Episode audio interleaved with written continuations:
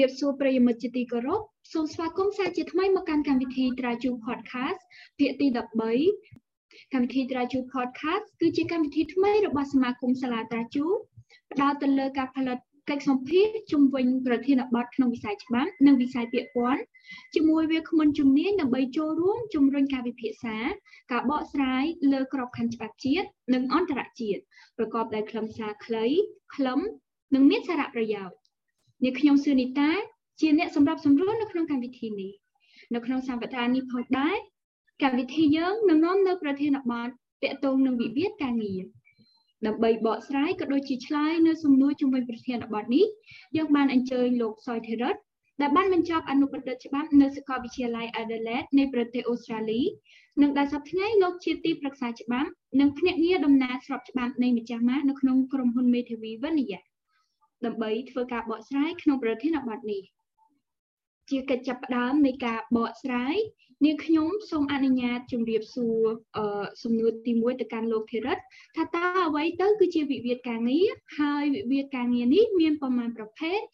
និងថាតើវិវាទការងារមានលក្ខណៈខុសគ្នាដោយម្ដេចខ្លះចា៎បាទអរគុណអឺឲ្យមែនតើនៅក្នុងច្បាប់ស្តីពីការងាររបស់យើងឆ្នាំ1997 ក៏ដូចជាលិខិតបទដ្ឋានគតិយុត្តផ្នែកការងារមិនបានកំណត់និយមន័យជាក់លាក់នៃពាក្យថាវិវាទការងារនោះឡើយប៉ុន្តែយើងអាចផ្ដល់និយមន័យជារួមទៅលើពាក្យថាវិវាទការងារនេះគឺជាវិវាទដែលកើតចេញពីតំណែងតំណងផ្នែកការងាររវាងកម្មករយោជិកនិងនិយោជកដែលជាទូទៅគឺយើងសង្កេតឃើញថាវាពាក់ព័ន្ធទៅនឹងសិទ្ធិដែលមានចែងនៅក្នុងបទបញ្ញត្តិច្បាប់នៅក្នុងបទបញ្ជាផ្ទៃក្នុងអនុសញ្ញារួមឬក៏នៅក្នុងកិច្ចសន្យារបស់គូភាគីហើយក៏វាពាក់ព័ន្ធផងដែរទៅនឹងផលប្រយោជន៍ដែលកម្មករគាត់ស្នើសុំសម្រាប់នៅពេលថ្ងៃអនាគត នៅក្នុងផ្នែកទី1និងផ្នែកទី2នៅក្នុងជំពូកទី12នៃច្បាប់ស្តីពីការងារឆ្នាំ1997បានធ្វើការ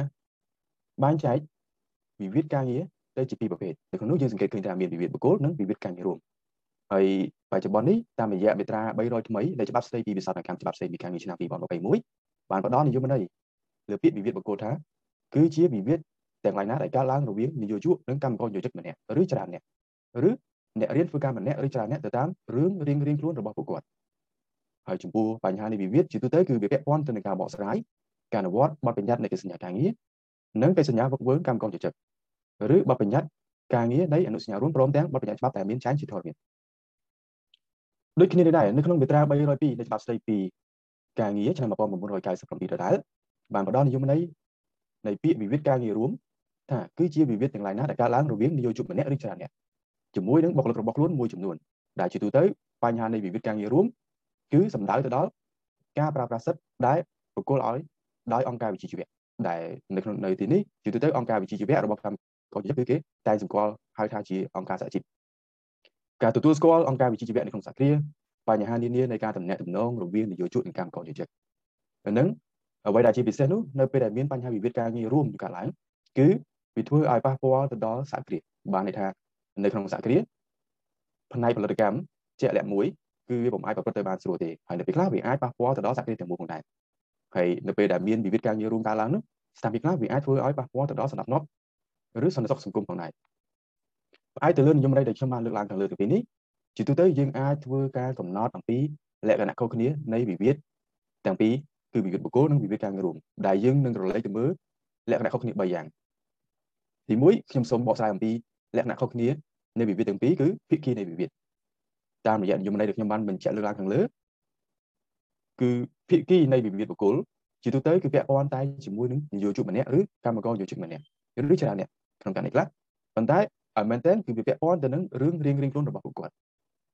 ខ្ញុំលើកឧទាហរណ៍ថាដូចជាករណីនៃការទៀមទាឲ្យការអនុវត្តសិទ្ធិដែលមានចែងនៅក្នុងកិច្ចសន្យាការងារអញ្ចឹងនៅពេលខ្លះអាចមានការទៀមទាព្រមគ្នាប៉ុន្តែវាជារឿងដែលឡែកដែលឡែកផ្សេងគ្នាដែលមានបញ្ញត្តិនៅក្នុង កិច្ចសន្យាការងាររៀងរៀងខ្លួនរបស់ពួកគាត់ប៉ុន្តែបើយើងមើលទៅលើភាគីវិវាទ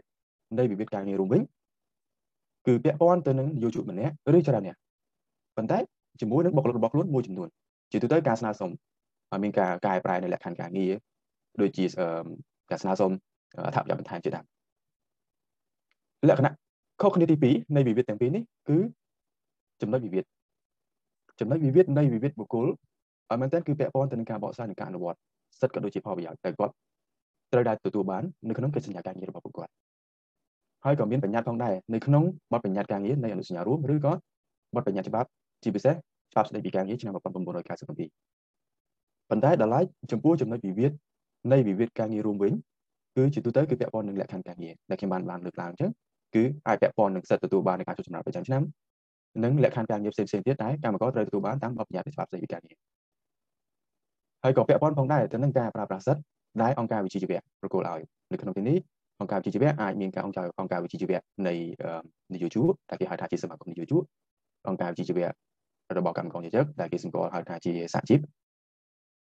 ហើយក៏ពាក់ព័ន្ធទៅនឹងការទទួលស្គាល់អង្គការវិជាសហគ្រាសក៏ដូចជាបញ្ហានានាដែលមានតំណែងតំណងរវាងនយោជកនិងកម្មករនិយោជកចំណែកលក្ខណៈខុសគ្នាទី3ដែលជាលក្ខណៈសំខាន់ជាងគេគឺ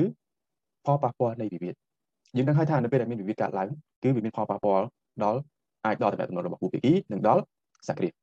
ចំពោះវិវាទបុគ្គលនៅពេលដែលមានបញ្ហាវិវាទបុគ្គលនោះកើតឡើងគឺវាពាក់ព័ន្ធតែតំណែងរបស់គូភាគីនោះទេ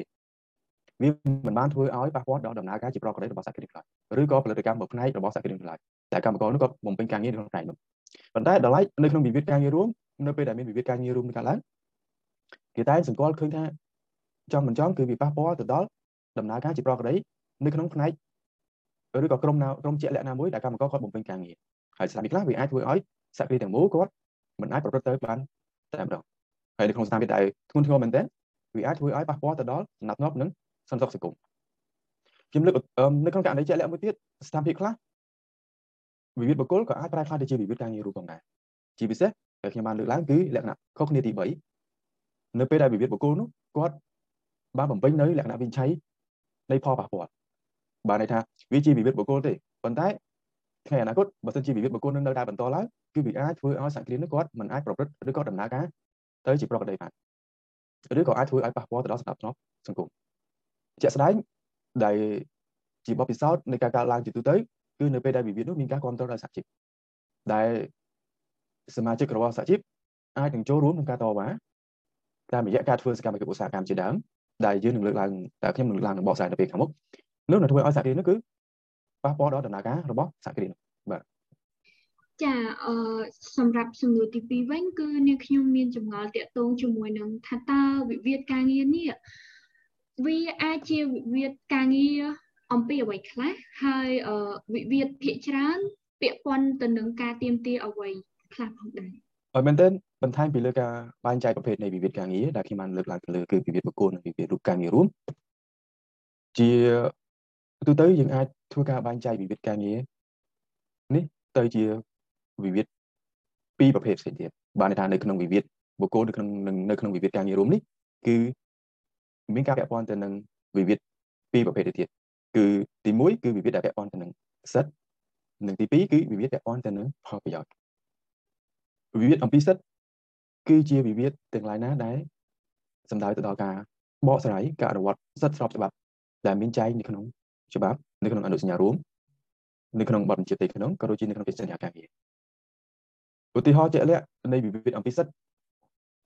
នៅក្នុងបទបញ្ញត្តិច្បាប់នៃច្បាប់ស្តីពីការងារគឺផ្ដល់សិទ្ធិឲ្យកម្មករនិយោជិតទាំងអស់គាត់ទទួលបាននៃការចុះសម្រាប់ប្រចាំឆ្នាំចំនួន18ថ្ងៃក្នុងមួយឆ្នាំសម្រាប់ការងារជាប់លាប់ដូច្នេះក្នុងករណីនេះប្រសិនបើនិយោជកគាត់មិនបានផ្ដល់ការចុះសម្រាប់ឬក៏ផ្ដល់ការចុះសម្រាប់នេះតិចជាងបទបញ្ញត្តិច្បាប់ដែលបានបញ្ញត្តិនោះកម្មករនិយោជកអាច នឹងធ្វើការស្នើសុំទិដាក់សំណើនៃការតវ៉ាឲ្យនិយោជកដល់នៅសិទ្ធិចុះសម្រាប់ប្រចាំឆ្នាំរំដល់ពួកគាត់ទៅតាមបទបញ្ញត្តិច្បាប់ដែលមានចែងនោះវិវាទនេះវានឹងក្លាយទៅជាវិវាទអំពីសិទ្ធិចំពោះវិវាទអំពីផលប្រយោជន៍វិវាទអំពីផលប្រយោជន៍គឺសំដៅទៅដល់ផលប្រយោជន៍នាពេលអនាគត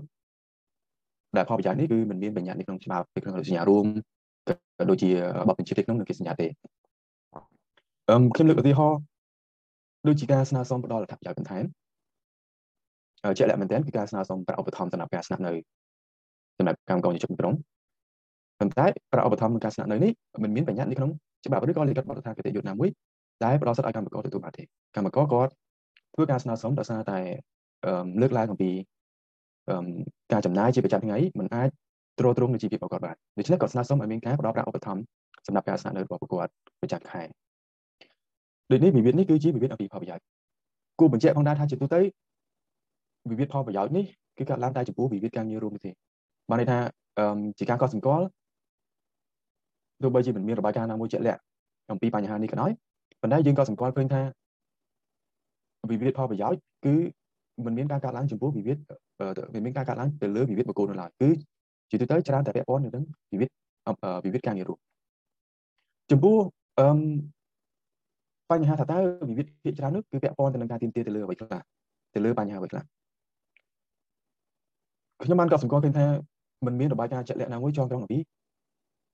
បញ្ហានៃការទៀមទាសម្រាប់វិវាទបុគ្គលនោះឡើយដោយសារតែវិវាទបុគ្គលគឺវិជាវិវាទមួយដែលគូភាគីគាត់ធ្វើការចរចាបានន័យថារវាងនយោជកនិងកម្មករនិយោជកតែប៉ុណ្ណោះហើយក្នុងករណីខ្លះគាត់អាចនឹងស្នើសុំការផ្សព្វផ្សាយពីអធិការការងារចិត្តដែរដូច្នេះមិនមានរបាយការណ៍ចងក្រងជាក់លាក់ណាមួយអំពីបញ្ហា ដែលពាក់ព័ន្ធកើតឡើងនឹងទៅនឹងវិវាទបុគ្គលនៅឡើយប៉ុន្តែយ៉ាងណាមិញសម្រាប់វិវាទការងាររួមតាមរយៈរបាយការណ៍ប្រចាំឆ្នាំរបស់ក្រមប្រសាអាជ្ញាកណ្ដាលនៅក្នុងឆ្នាំ2019ក៏ដូចជាឆ្នាំ2020នោះបានធ្វើការកត់សម្គាល់ថាប្រភេទនៃចំណុចវិវាទលំដាប់លើគេទាំង5នោះមានដូចជាទី1ពាក់ព័ន្ធទៅនឹងការទាមទារឲ្យយកចូលធ្វើការវិញទី2គឺពាក់ព័ន្ធទៅនឹងប្រាក់បំណាច់ប្រាក់ជាសញ្ញាការងារទី3ថ្ងៃបើកប្រាក់ឈ្នួលទី4ការដាក់វិន័យការបញ្ឈប់ពីការងារ និងការផ្ទេរទូនទីរបស់ពួកគាត់កម្មកម្មយុជនឹងនិងចុងក្រោយគេគឺពាក់ព័ន្ធទៅនឹងប្រាក់បំណាច់អតិថិភាពការងារប៉ុន្តែខ្ញុំក៏ខ្ញុំខ្ញុំខ្ញុំសូមកត់សម្គាល់ថារបាយការណ៍របស់ក្រុមប្រឹក្សាអាជ្ញាកណ្ដាលនៅទីនេះគឺគាត់គ្របដណ្ដប់តែលើវិវាទការងាររួមដែលត្រូវបានបញ្ជូនមកក្រុមប្រឹក្សាអាជ្ញាកណ្ដាលដោយអធិការការងារតែប៉ុណ្ណោះដូច្នេះវាមានវិវាទផ្សេងទៀតដែលត្រូវបានផ្សះផ្សាសាសជានៅក្នុងដំណាក់កាលនៃមន្ត្រីផ្សះវិវាទនៃក្រសួងការងារបណ្ដុំជីវៈក៏ដូចជានៃមន្ទីរការងារបាទសូមអរគុណ ចាសសូមអរគុណលោកសុយថេរិតដែលបានបកស្រាយប្រធានបទអំពីវិវាទការងារយ៉ាងពិស្ដារនិងមានខ្លឹមសារអត្ថន័យជាថ្មីម្ដងទៀតនាងខ្ញុំសូមថ្លែងអំណរគុណដល់លោកដែលបានចំណាយពេលវេលាក្នុងការបកស្រាយប្រធានបទនេះក្នុងកម្មវិធីរបស់ពួកយើងជាមួយគ្នានេះដែរនាងខ្ញុំសូមថ្លែងអំណរគុណដល់ប្រិយមិត្តដែលបានតាមដានស្ដាប់កម្មវិធី Traju Podcast របស់សមាគមសាលា Traju thank you